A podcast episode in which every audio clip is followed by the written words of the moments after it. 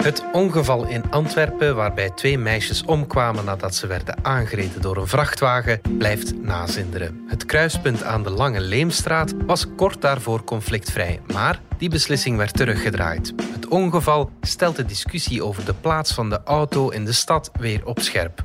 Hoe moet die plaats er in de toekomst uitzien en wat leert het Antwerpse stadsbestuur uit dit ongeval? Het is maandag 6 september. Ik ben Alexander Lippenveld en dit is vandaag de dagelijkse podcast van de Standaard.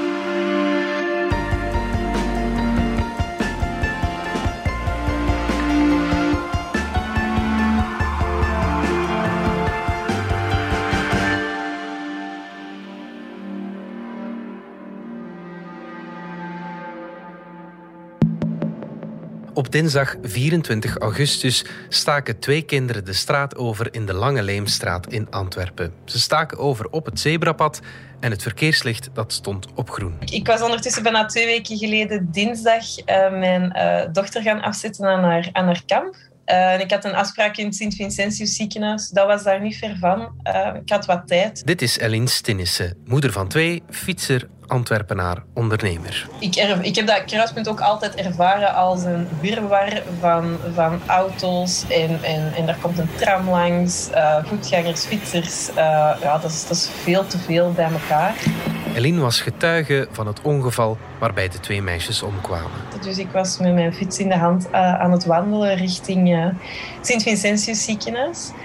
Um, en ik bevond mij spijtig genoeg uh, naast het ongeval. Uh, en net op die plek, op die uh, moment was ik daar toen het gebeurde. Dus ik heb jammer genoeg heel veel gezien. en dat had ik liever niet gezien. Het is heel snel gegaan. Hè. Ik, ik, hoorde en zag die vrachtwagen. Ja, en voordat je het weet, lagen die twee meisjes op het zebrapad um, overreden. Dus dat is, dat is heel ingrijpend uh, en dat gebeurt supersnel. Ze merkt dat ze helemaal anders in het verkeer staat na het ongeval. Door te zien wat ik heb gezien, ben ik sowieso voorzichtiger geworden zelf. Ik ben mij veel meer bewust van het mogelijke gevaar. Um, ik denk, ja, ik, ik, ik ben een vijftal jaar geleden voor het eerst moeder geworden. En dan word je sowieso al voorzichtiger. Op 1 september, toen ik mijn kinderen, ja, mijn oudste naar school bracht en mijn jongste naar de crash, ben ik heel voorzichtig door de stad gereden. En, en heb ik heel veel situaties weer gezien, omdat ik er nu veel meer op let. Waarvan ik denk, oké, ook dit kan vermeden worden. Als er een vrachtwagen betrokken is, dan denken we snel aan een dode hoekongeval. Maar dat was nu niet zo. Ik ben ervan overtuigd dat, um, dat er te weinig gedaan wordt om, uh, om zulke ongelukken te vermijden. Mijn standpunt daarin is een beetje dat, dat, dat iedereen uh, fouten maakt. Iedereen kan onoplettend zijn. Ik denk dat dat desmens is. Dat gebeurt iedereen. En dat is net de verantwoordelijkheid van de overheid om zulke momenten zo te kunnen maken dat er geen levenslange gevolgen zijn dan voor de weggebruikers. Um, en, en dat is hier niet gedaan. Zowel de vrachtwagen als de kinderen hadden groen licht. Dat was tot een paar maanden geleden niet het geval. Maar die beslissing werd teruggedraaid. Dat ongeluk was sowieso te vermijden natuurlijk uh, als, uh, als, dat, als dat kruispunt uh, niet teruggedraaid was naar, naar conflictrijk. Het was dus niet langer een conflictvrij kruispunt. Mobiliteitsexpert Chris Peters legt uit wat dat juist is. Een conflictvrij kruispunt is wat het woord eigenlijk zegt, dat mag je letterlijk nemen. Dat betekent dat verschillende verkeersdeelnemers of verschillende verkeersstromen, kan je zeggen, dat die elkaar niet tegenkomen en letterlijk dus geen conflict met elkaar kunnen hebben. Zo'n conflictvrij kruispunt, dat kan je op heel wat verschillende manieren organiseren. Een gemakkelijk voor te stellen manier is dat je een brug legt, bijvoorbeeld. Hè. Dan kom je elkaar letterlijk niet tegen, of een tunnel. Hè. Uh, maar ja, de meest uh, courante oplossing en de meest goedkope oplossing meestal betekent natuurlijk verkeerslichten. En die verkeerslichten die geven dus afzonderlijk groen hè, uh, of opeenvolgend groen aan eerst bijvoorbeeld de voetgangers en de fietsers. Hè. meestal gaan die samen, de ene richting ook, hè, en daarna de andere richting of ja, een andere modus. Matthias Verbergt van onze politieke redactie. Het ongeval in Antwerpen vond plaats op een kruispunt dat kort daarvoor nog conflictvrij was. Waarom is die conflictvrije regeling teruggedraaid? Inderdaad, eh, tussen april en juli van dit jaar was het um, zo dat dus voetgangers of fietsers en automobilisten nooit tegelijkertijd groen hadden. Mhm. Um, maar de uh, administratie van de stad stelde vast dat uh, dat leidde tot blijkbaar heel grote verkeersproblemen. Ja. Um, men constateerde ook zelf uh, blijkbaar dat de, het, het, nabijgelegen ziekenhuis ook te weinig opties had dan om, om zijn voertuig uit te sturen, hoewel het ziekenhuis zelf ja. dat ontkende of relativeerde. Mm -hmm. um, en het belangrijkste punt was eigenlijk dat het ervoor zorgde dat er heel lange roodtijden uh, werden gecreëerd door die conflictvrije regeling, waardoor mensen eigenlijk het rode licht gingen negeren en toch oversteken. Wat volgens de stad dan voor een nog gevaarlijkere situatie zorgde dan uh, daarvoor. Ja. Um, Maar was het de bedoeling dat die situatie daar definitief ging zijn, of was het een, een, een proefopstelling? Um, nee, de conflictvrije uh, lichtregeling was op zich een regeling die definitief kon blijven. Net zoals de stad dat doet op heel veel kruispunten in uh, Antwerpen. Ja. Dit was, uh, en dat is wel heel opvallend, het eerste kruispunt waar dit werd teruggedraaid. Ah, ja. um, dus die ja, speling van het lot is het helaas wel, wel geworden. Dat het mm. net op dat kruispunt ook is gebeurd. Want in de jaren voor die conflictvrije regeling is er nooit een dergelijk zwaar ongeval gebeurd. Nee, nee, nee, inderdaad. Waren er dan geen alternatieven uh, om, om, om die verkeersknoop daar te ontwarren? Op andere kruispunten waar het heel moeilijk is om een conflictvrije regeling in te voeren, heeft men wel andere zaken gedaan, zoals uh, signalisatie, heel opvallende oversteekplaatsen voor uh, zwakke weggebruikers. Ja. Dat heeft men deels ook daar gedaan, misschien onvoldoende. Het is ook een redelijk klein kruispunt. Ja. Er zijn niet heel veel uitwijkmogelijkheden voor uh, bijvoorbeeld um, voetgangers of paden te, te verleggen of zo. Ja. Um, er rijdt daar nog eens een tram ook. Dat, dat maakt het allemaal nog wat ingewikkelder ja, natuurlijk. Alle, alle verkeersstromen komen, komen daar samen. Ja. Um, dus dat is inderdaad complex op te lossen. En volgens het huidige stadsbestuur is, ook, is het ook niet zeker dat dit dan opnieuw veranderd zal worden. Dus zelfs nu, na dit ongeval, zeggen zij... Kijk, we hadden precies dezelfde beslissing genomen, ja. omdat er volgens hen geen alternatieven waren.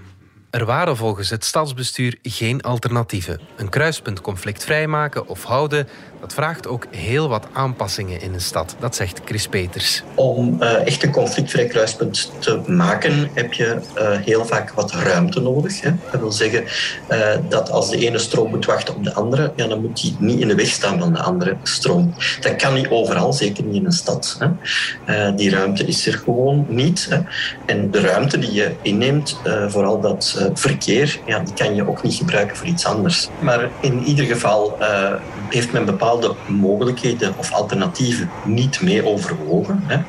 En um, ja, wanneer dat er een te lange wachtrij ontstaat, en hier heeft men geoordeeld van, ja, dat is hier het geval, hè, dan kan je al over discussiëren, wat is een te lange wachtrij. Het tweede punt is, uh, als je dan denkt van, oei, dan gaan mensen uh, andere routes kiezen en dat willen we niet. Hè. Uh, dan gaat er sluipverkeer ontstaan.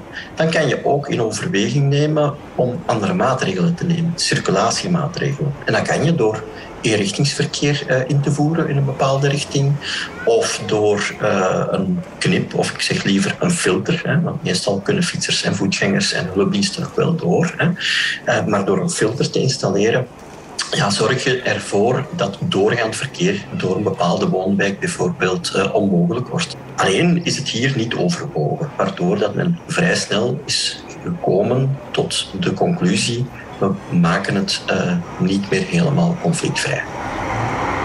De plaats van de auto in de stad staat dus ter discussie het verleden was dat helemaal anders. Koning Auto die regeerde. Tot in de jaren 70, denk ik, um, grosso modo, was de overtuiging heel breed gedragen van links tot rechts in, in de politiek.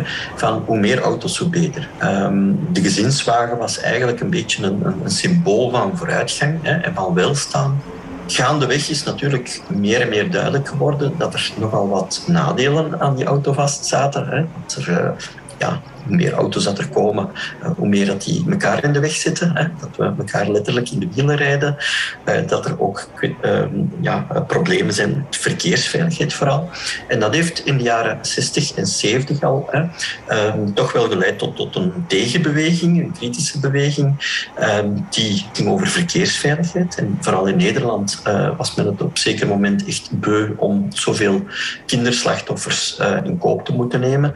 En is er een beweging gekomen, uh, Stop de kindermoord, die eigenlijk ja, aan de basis heeft gelegen van nogal serieuze uh, bijsturingen in het mobiliteitsbeleid. Maar 50 jaar later is die omslag nog steeds niet gemaakt en wordt het debat nog steeds gevoerd. Je ziet dan dat sommige uh, steden en gemeenten en sommige wegbeheerders uh, ja, heel duidelijke, heldere keuzes hebben gemaakt in een bepaalde richting en daaraan zijn gaan werken. Uh, richting minder autoverkeer, minder gevaarlijk autoverkeer, minder conflicten, meer ruimte voor voetgangers, fietsers, kinderen. Ehm, maar je ziet natuurlijk ook her en der dat er af en toe een, een tegenbeweging op gang komt. Die zegt van ja, maar de auto is belangrijk voor onze economie. Ehm, de winkels moeten kunnen beleverd worden. En, en zonder, hè, zonder dat ehm, ja, hebben we andere uh, nadelen. En, en, en, dat kan toch niet. Maar Um, op dit moment denk ik toch wel dat we mogen zeggen dat zeker in de grote steden, in, internationaal, hè, dat, dat de dominante beweging toch wel is richting um, ja, een, aanpakken van het autoverkeer, het terugdringen van het autoverkeer tot het wenselijke niveau, tot het noodzakelijke niveau. Dat autosysteem, die auto mag fascinerend zijn. Dat, blijft een, fascinerend ding. Ook, een heel nuttig ding in sommige omstandigheden. Maar het, het, is net door zijn grote succes dat hij nu um, zo onbruikbaar wordt. En dat is eigenlijk ja, het, ja, het bijzondere van die auto, hè, dat hij het slachtoffer wordt van zijn eigen succes. En ik zeg wel eens van wie dat echt houdt van autorijden en echt houdt van de auto, ja, die moet eigenlijk nu zo eerlijk zijn om te zeggen van kijk, eh, we moeten dat beter organiseren, want anders wordt, wordt die auto niet meer gered. Hè. Dus om de auto te redden, moeten we hem aan banden leggen. De discussie wordt dus gevoerd, maar wat vaststaat is dat er iets moet veranderen om alles leefbaar en veilig te houden. Eline Stinnissen wil zich inzetten om mee te werken aan die verandering. Dus bij mij is het wel degelijk zo dat doordat ik dat heb gezien, dat ik nu veel meer in actie wil schieten om daar iets aan te kunnen veranderen. Ik denk dat we allemaal samen moeten werken aan een veiliger verkeersbeleid. Ik denk dat dat het allerbelangrijkste is. Um, en ik denk ook dat iedereen dat wil. Ik kan me niet voorstellen dat iemand uh, voorstander is van onveilige verkeerssituaties. Dus dat is mijn grote vraag: van wie blijven we hier eigenlijk verdedigen? Wie, ja, waarom evolueert alles zo traag? Ja, dat is wel een algemeen um, een algemene kwaal die we eigenlijk hebben in verkeersbeleid, in mobiliteitsbeleid. We hebben eigenlijk ehm, ja, nog altijd zo de, de oude uh, reflex hè, van zolang dat er niets gebeurd is, ehm, is wordt iets beschouwd als veilig. Hè. En dat is natuurlijk gek, hè, want uh, wanneer dat er ergens uh, een, een, een, elektriciteitskabel bloot op straat ligt, hè, waar dat je zomaar zou kunnen aankomen en je weet dat als dat gebeurt, dat dan iemand geëlectrocuteerd wordt, ja, dan gaat niemand eigenlijk zeggen van dat is veilig. Hè. Iedereen gaat zeggen van dit is onveilig, ook al is er nog geen, geen ongeval gebeurd of is er nog niemand geëlectrocuteerd. Hè. Bij verkeer wachten we heel dikwijls toch nog wel op het bewijs dat het wel degelijk onveilig is. Maar een kant-en-klare oplossing om die onveiligheid weg te werken, die ligt zelden klaar. Eigenlijk um, een, een, ongeval of ongevallen, hè, of bijna ongevallen, zijn altijd een keten van, van gebeurtenissen. Hè. Uh, wij, spreken hè, snel over een ongeluk. Hè, en, en, dan zeggen we, ja, hij was op de verkeerde plaats op het verkeerde moment. Hè, en, en het lot. Maar eigenlijk ja, gaat het over een heel lange keten van gebeurtenissen die eigenlijk op zich allemaal anders zouden kunnen zijn, waren er andere beslissingen genomen. En dus is het heel moeilijk om te zeggen, ja, wat moet de stad nu precies doen? Eigenlijk zou ze op al die uh, aangrijpingspunten moeten, moeten uh, ja, aangrijpen eigenlijk. En uh, dat, uh, dat is het werk van lange adem. En ja, dat kan je door goede afspraken te maken, want iedereen is wel van goede wil in de zin dat niemand dit soort ongevallen heeft gewild en niemand uh, wil dit uh, meemaken. Eline Stinnissen is erg boos. Ze kijkt naar het stadsbestuur. Zij moeten zich voluit inzetten om dit in de toekomst te vermijden. Ja, ik word daar, ik word daar, uh, ik word daar boos over. Ik, ik, ik ben daar, daarover diep teleurgesteld. Wat kan een schepen van mobiliteit meer voldoening geven dan aan het einde van, van zijn ambt of van zijn schepentermijn te kunnen zeggen ik ben de man geweest die het aantal verkeersdoden heeft kunnen terugschroeven uh, naar ja, bijna nul, zal het dan jammer genoeg wel nooit zijn, maar toch drastisch verlagen. En ik fiets zelf dagelijks uh, in Antwerpen. Het is enorm druk. Je moet constant uitkijken. Nu, dat is niet abnormaal natuurlijk. Hè. Dat is zo in een stad. Maar het is wel aan de overheid om het zo veilig mogelijk te maken. En dat is bij deze, vind ik, niet gedaan. Ze hebben het toegestaan dat zwak en sterk uh, met elkaar in conflict kon komen. En dan zal sterk natuurlijk altijd winnen. Jammer genoeg.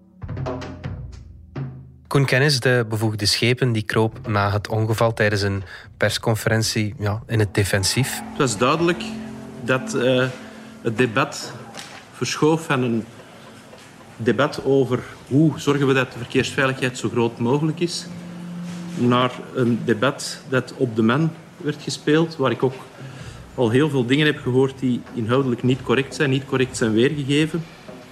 Uh, dus ik denk dat het goed is om meer duidelijkheid te verschaffen.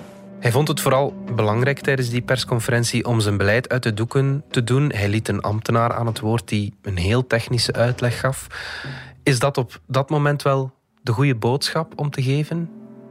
Ja, het viel wel op inderdaad dat zijn uh, boodschap nogal technocratisch was. Mm. Kennis staat ook niet meteen bekend als de meest, hoe zal ik het zeggen, politicus die man van het volk is, die een soort... Uh, aanvoelen heeft met de man van de straat zoals geen ander. Eh, hmm. Dat is hij niet meteen. Hij is echt een bestuurskundige die de Wever heeft, heeft ingeschakeld uh, toen hij in 2012 in Antwerpen aan de macht kwam. Die een uh, grote ja, bestuurservaring had, die hij ook kon posteren op allerlei plekken in administraties en raden van bestuur. Ja.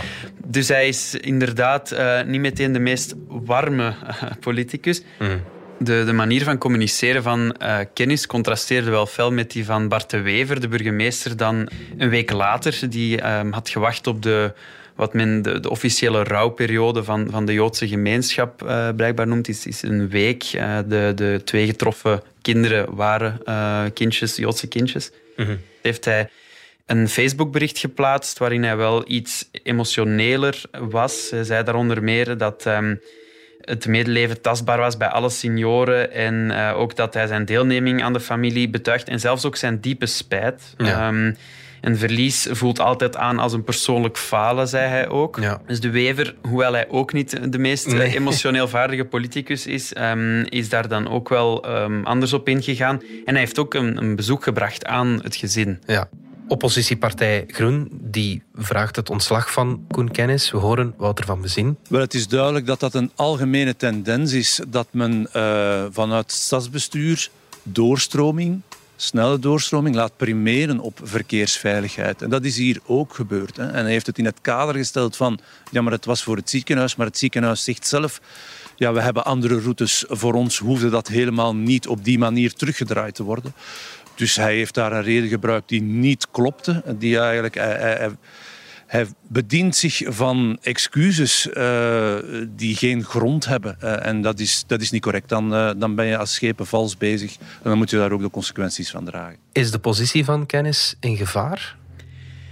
Toen de persconferentie werd aangekondigd, een dag na het ongeval, um, werd er gedacht van, kijk, misschien zal hij wel zijn ontslag aankondigen. Ja. Ik geloofde daar niet meteen in, omdat er zijn eigenlijk twee redenen voor. Eén, Bart de Wever, partijvoorzitter ook van de NVA, staat erom bekend dat hij heel loyaal achter um, zijn pionnen staat. Ja. Ook wanneer werd gevraagd om het ontslag van um, toenmalig staatssecretaris Theo Franke bijvoorbeeld, was hij heel stellig. Um, ik kan me niet herinneren dat hij al uh, op een bepaald moment iemand echt uh, tot ontslag heeft gedwongen op, een, mm. op een erg zichtbare publieke functie, toch? Ja. En twee, ook Koen Kennis in het bijzonder dan ja, vervult een heel speciale rol voor de Wever en binnen de Antwerpse NVA. Ja. Um, zoals gezegd, hij was dus een van de eerste luitenanten aan boord. Kennis is ook iemand die de Wever heeft leren kennen tijdens zijn Leuvense studentenjaren, die echt van in het begin bij de NVA erbij is, samen met bijvoorbeeld iemand als Lisbeth Homans, als directeur Pieter Zager, maar ook als um, die andere Antwerpse schepen tot voor kort, Fons du Château. Ja, ja, ja. Die is opgestapt. Mhm. Daar hebben ze al een vervanging voor moeten zoeken. Dat was niet zo evident. Um, ook Ludo van Kampenuit is vertrokken als schepen. Daarvoor is Rob van de Velde vertrokken als schepen. Dus er waren eigenlijk ook niet zo heel veel opties om, om een, een schepen als kennis, die enorm veel bevoegdheden ook heeft, ja. te gaan vervangen. Dus ik zag het niet meteen aankomen uh, dat hij ontslag eigenlijk in Antwerpen ja, too big to fail. Ja, uh, misschien wel. Voorlopig toch. Ja. hij was ook iemand die de vorige legislatuur graag superschepen wil, wil worden. Mm er wordt ook al gefluisterd in de Antwerpse wandelgangen dat zijn droom ooit is om, om burgemeester van Antwerpen te worden. Hè. Mocht de Wever toch eens um, naar een ander niveau verhuizen, Vlaams of federaal. Ja. Dus um, ja, ik zeg hem niet meteen vertrekken. Mm De NVA heeft de reputatie van een partij te zijn die de automobilist verdedigt. Is dat vandaag nog steeds zo? Ik denk dat het um, ten opzichte van andere partijen, linksere partijen, nog steeds wel zo kan gezien worden. Maar ook de NVA heeft wel een enorme evolutie ondergaan. Mhm. Ik heb eens even opgezocht um, wat er in het partijprogramma van de NVA stond in 2012 bij de mhm. gemeenteraadsverkiezingen. Daar stond bijvoorbeeld het mobiliteitsbeleid van de stad Antwerpen moet ervan uitgaan dat het aantal wagens en het aantal afgelegde kilometers verder zullen blijven toenemen. Ah, de auto is wegens zijn flexibiliteit en comfort niet weg te denken. De hoeksteen van het mobiliteitsbeleid eh, bestaat uit een veilig wegennetwerk. Koning Auto, met andere woorden. Dat werd toen wel uh, redelijk naar voren geschoven. Um, en ik moet zeggen, gedurende de vorige legislatuur is dat al iets gekeerd. Men heeft ook bijvoorbeeld die lage emissiezone ingevoerd in Antwerpen niet zo ver, als, niet zo ver gegaan als in Gent bijvoorbeeld met dat uh, circulatieplan, maar toch. En voor de gemeenteraadsverkiezing van 2018 dan, de laatste gemeenteraadsverkiezingen, heeft de NVA toch wel een, een soort bocht genomen, kan je het wel zeggen. Uh, Kennis zelf noemde het een evolutie. Ja. En bijvoorbeeld in het programma van 2018 staat dan: we maken samen de overstap van mijn auto, mijn vrijheid, naar mijn mobiliteit, mijn vrijheid. Dus daar wordt expliciet ook die auto verder een kleinere rol uh, toegedicht. Dus je kan wel zeggen dat ook de NVA daar wat in gekeerd is. Ze hebben ook beseft, denk ik, dat mobiliteit zeker in een stad geen rechts- of links thema is. Uh, ook goede lucht, duurzaamheid uh, op vlak van verkeer niet. En ja, daar, daar hebben ze wel um, een bocht in genomen. Ook omdat bleek dat voor de Antwerpenaar bijvoorbeeld mobiliteit het grootste punt was op de prioriteitenlijst. Denk je dat het Antwerpse stadsbestuur uit dit ongeval geleerd heeft? Ja, ik denk het wel. Ik denk um, dat het toch niet te onderschatten is um, als eigen stedelingen zo um, fel getroffen worden door, door zo'n tragedie.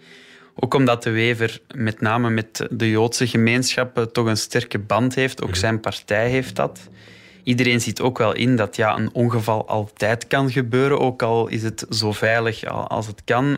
Maar um, ik denk het conflict vrijmaken van kruispunten zal nu ook enorm veel aandacht gaan uh, opeisen van, van zowel media als oppositie als, als de rest van de politiek. Dus ik zie hen ook wel in die richting verder gaan. En um, misschien is ook wel de manier waarop kennis en aan de wever zijn omgegaan emotioneel met, dit, uh, met deze gebeurtenis. Misschien is dat ook wel een les geweest voor, mm voor hen. Mhm. Goed, Matthias Verbergt, dankjewel. Met plezier. Dit was vandaag de dagelijkse podcast van De Standaard. Bedankt voor het luisteren. Reageren kan via podcast.standaard.be. Alle credits vind je op standaard.be-podcast. Morgen zijn we opnieuw.